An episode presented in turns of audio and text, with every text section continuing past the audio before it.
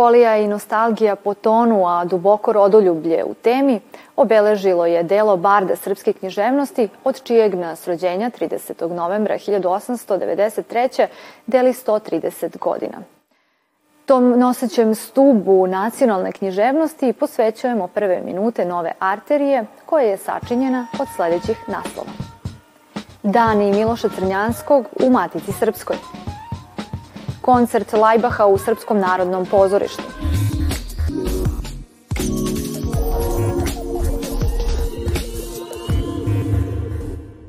Nije slučajno da je Miloš Trnjanski rođen godinu dana nakon Andrića, kao ni to da je sudbina odredila da ostanu temelji savremene srpske književnosti.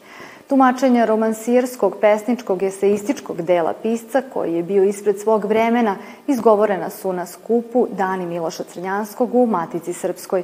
Tim povodom, gost arterije je Budimir Dubak. Dobrodošli u našu emisiju. Hvala, bolje vas našli. Vaše predavanje naslovljeno je Miloš Crnjanski i Njegoš. U kom smislu se može govoriti o srodnosti naglašeno modernog pisca, kakav je Crnjanski, sa pesnikom romantizma uronjenog u istoriju i duhovnost? Dugo se nije uočavala ta dubinska veza između Miloša Crnjanskog i Njegoša. On je već 1925. godine povodom obnavljanja Njegoševe kapele na Lovćenu e, napisao dva teksta u kojima je donio, dao suštinske ocene veli, veli, veličine Petra II. Petrovića Njegoša, za koga je rekao da je praktično on neki naš stup osnovni naše srpske književnosti. Miloš Crnjanski, koji je pripadao jednom modernom pravcu književnosti, i Njegoš, njegov deseterac, na izgled, kažem, nemaju dodirnih tačaka. Međutim, njih je ono što duboko povezuje ta nacionalna vertikala, srpsko osjećanje istorije i žrtve srpskog naroda kroz vjekove. To i Miloš u seobama piše o seobama, o seobama srpskog naroda, o stradanjima srpskog naroda, o ratovanjima za tuđe interese, a Njegoš piše o tragičnim podjelama unutar istog srpskog nacionalnog bića, Koliko susreti ovakve vrste utiču na misao i percepciju slavnog pisca u današnjem kontekstu? Miloš Canjanski je pokazalo naše doba i što više vrijeme prolazi, Miloš Canjanski je sve jasniji kao veličina naše srpske književnosti, kažu najveći prozni pisac srpski, veliki broj tumača izvanrednih od starijih tumača kao što je Nikola Milošević, koji je praktično profesor Nikola Milošević, koji je e, suštinski potumačio Caljanskog, pa preko tolikih brojnih teoretičara, kritičara, istoričara književnosti, recimo da pomenemo danas Milo Lompara, profesora koji je temeljne tri toma objavio o Caljanskom, i pokazuje se zaista da je Crnjanski veliki svetski pisac. Tako da i ovi susreti ovde, ovo je prava jedna prilika i divno je, okupili su se pisci iz raznih srpskih krajeva da u čast Miloša Crnjanskog govore ili poeziju ili da govore o Milošu Crnjanskom. Hvala na razgovoru. Hvala vama.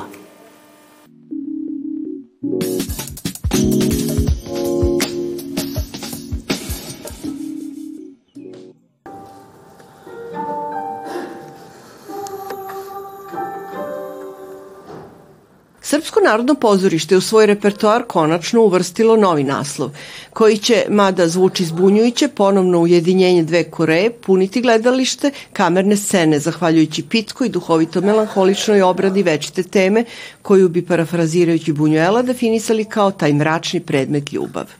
Tekst je to koji se ne dotiče nimalo teških odnosa Severne i Južne Koreje, već se upušta u raskrinkavanje međuljudskih odnosa, parova u krizi. Joel Pomera, savremeni francuski dramatičar, reditelj te osnivač sobstvenog pozorišta, sastavio 12 nepovezanih fragmenata koje su reditelj Igor Pavlović i dramatuškinja Minja Petrić povezali u kaleidoskop anti-love situacija. Naime, od propalog venčanja na kome se otkriva da je mladoženje ima odnose sa svim mladinim sestrama, preko scene u kojoj sveštenik pokušava da prekine vezu sa omiljenom prostitutkom, do roditelja koji pokušavaju da shvate zašto se njihov sin čudno ponaša posle povratka sa školskog kampa, tekst varira temu nedostatka, nestanka ljubavi, njene zamene i transfera u bol, mržnju, niske podmukle strasti, hladnoću i bolest. No reditelj Pavlović ne koristi ovaj tipično francuski čas ljubavne anatomije da ubije u nama svaku nadu u postojanje ljubavi. On samo hoće da pokaže da mada, kako jedan lik u drami kaže, ljubav jača baš onda kada je teška, od nje ne odustajemo jer je ona jedino što nam preostaje. U tom poduhvatu insceniranja omnibusa ljudskih interakcija koje sve nadkriljuje tmurni ljubavni oblak, Igor Pavlović uspeva da uveže osmoro glumaca u organsku celinu, dokazujući svoju rediteljsku zrelost upravo uspostavljanjem ključa kolektivne igre. Mada ne stilski ujednačena u svakom momentu, koncentracija na zajedničku igru, na mesto koje glumac kao pojedinac ima u mreži emotivno refleksivnih asocijacija, vrhunski je domet, prilično redko viđen na scenama nacionalnog teatra. Stoga ansambl predstave ponovno ujedinjenje dve Koreje zaslužuje sve pohvale za pravilno usmeren trud u traganju za modernim izrazom nečega što je bolno mesto savremenog čoveka, raspolućenog na dve pole, na dva pola, udaljena jednako kao što su Severna i Južna Koreja.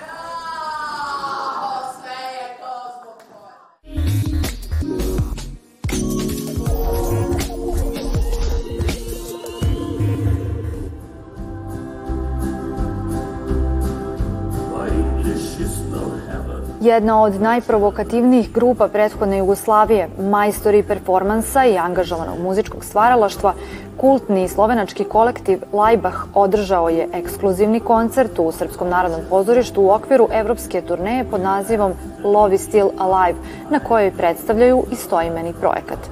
Reč je o njihovoj originalnoj muzici za naučno-fantastični film iz žanra crne komedije Iron Sky The Coming Race. Grupa je predstavila odobrene numere sa nedavno objavljenih albuma i set Laibach klasika od ranih 80-ih do danas, ali i veoma aktuelnu preradu pesme The Future Leonarda Coena.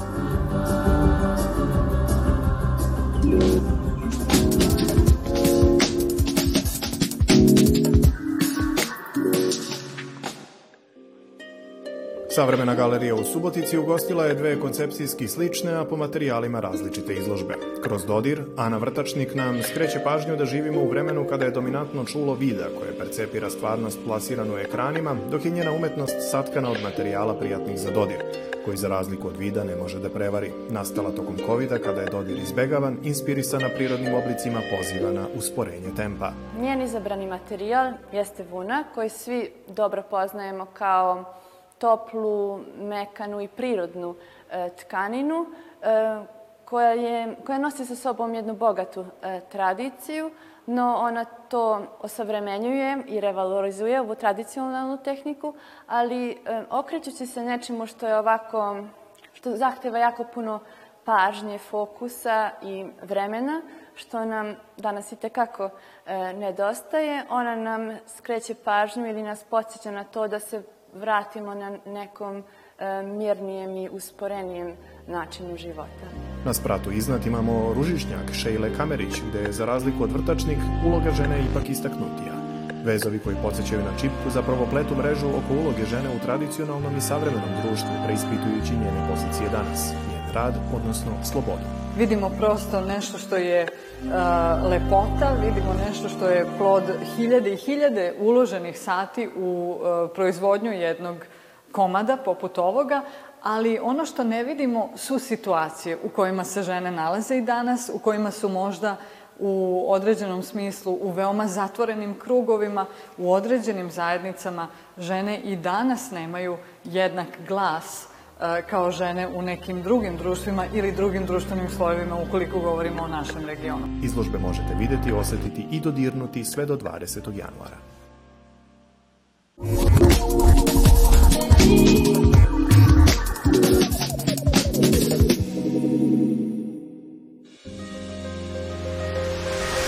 Zbirka priča o ljubavi i smrti, u kojoj se progovara o tematici vremena i njegovom zaustavljanju, ali i o samom pisanju i postavljanju pitanja čemu pisanje, autora Kornelija Kvasa, simbolično nazvana žena koja zaustavlja satove, u izdanju akademske knjige promovisana je u knjižari Boulevard Books. Onda su to priče o nekakvim velikim, večnim, antičkim temama kao što su ubistvo, borba za vlast, rešavanje nekakvih društvenih, životnih problema koji su u korist zajednice. Isprepletene su te priče. Priče Kornelija Kvasa ispunjene su finim tkanjem osjećanja, lakoće postojanja, te mirnoće koja čitaoca treba da distancira od užurbane svakodnevnice.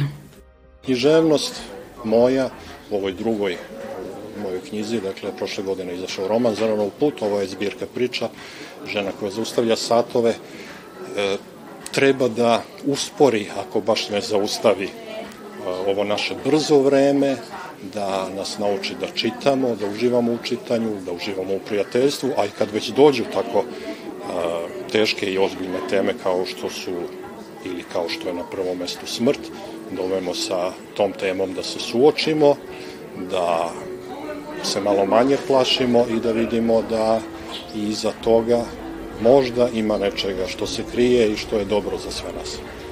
Zbirka priča žena koja zaustavlja satove uranja čitaoca u svet opojnog magijskog realizma u čijem će lavirintima na svakoj stranici u svakoj rečenici otkrivati nove dokaze neprolazne moći priče i pripovedanja te moći govora.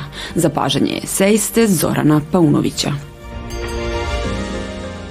Dan Milana Konjovića povodom 125 godina od slikarevog rođenja biće obeležen sutra u Novosadskom ogranku Srpske akademije nauka i umetnosti. Tim povodom biće prikazan dokumentarni film Trojica iz Starog Sombora Miroslava Antića i biće otvorena izložba Konjović iz kolekcije Galerije Matice Srpske. Prijetno!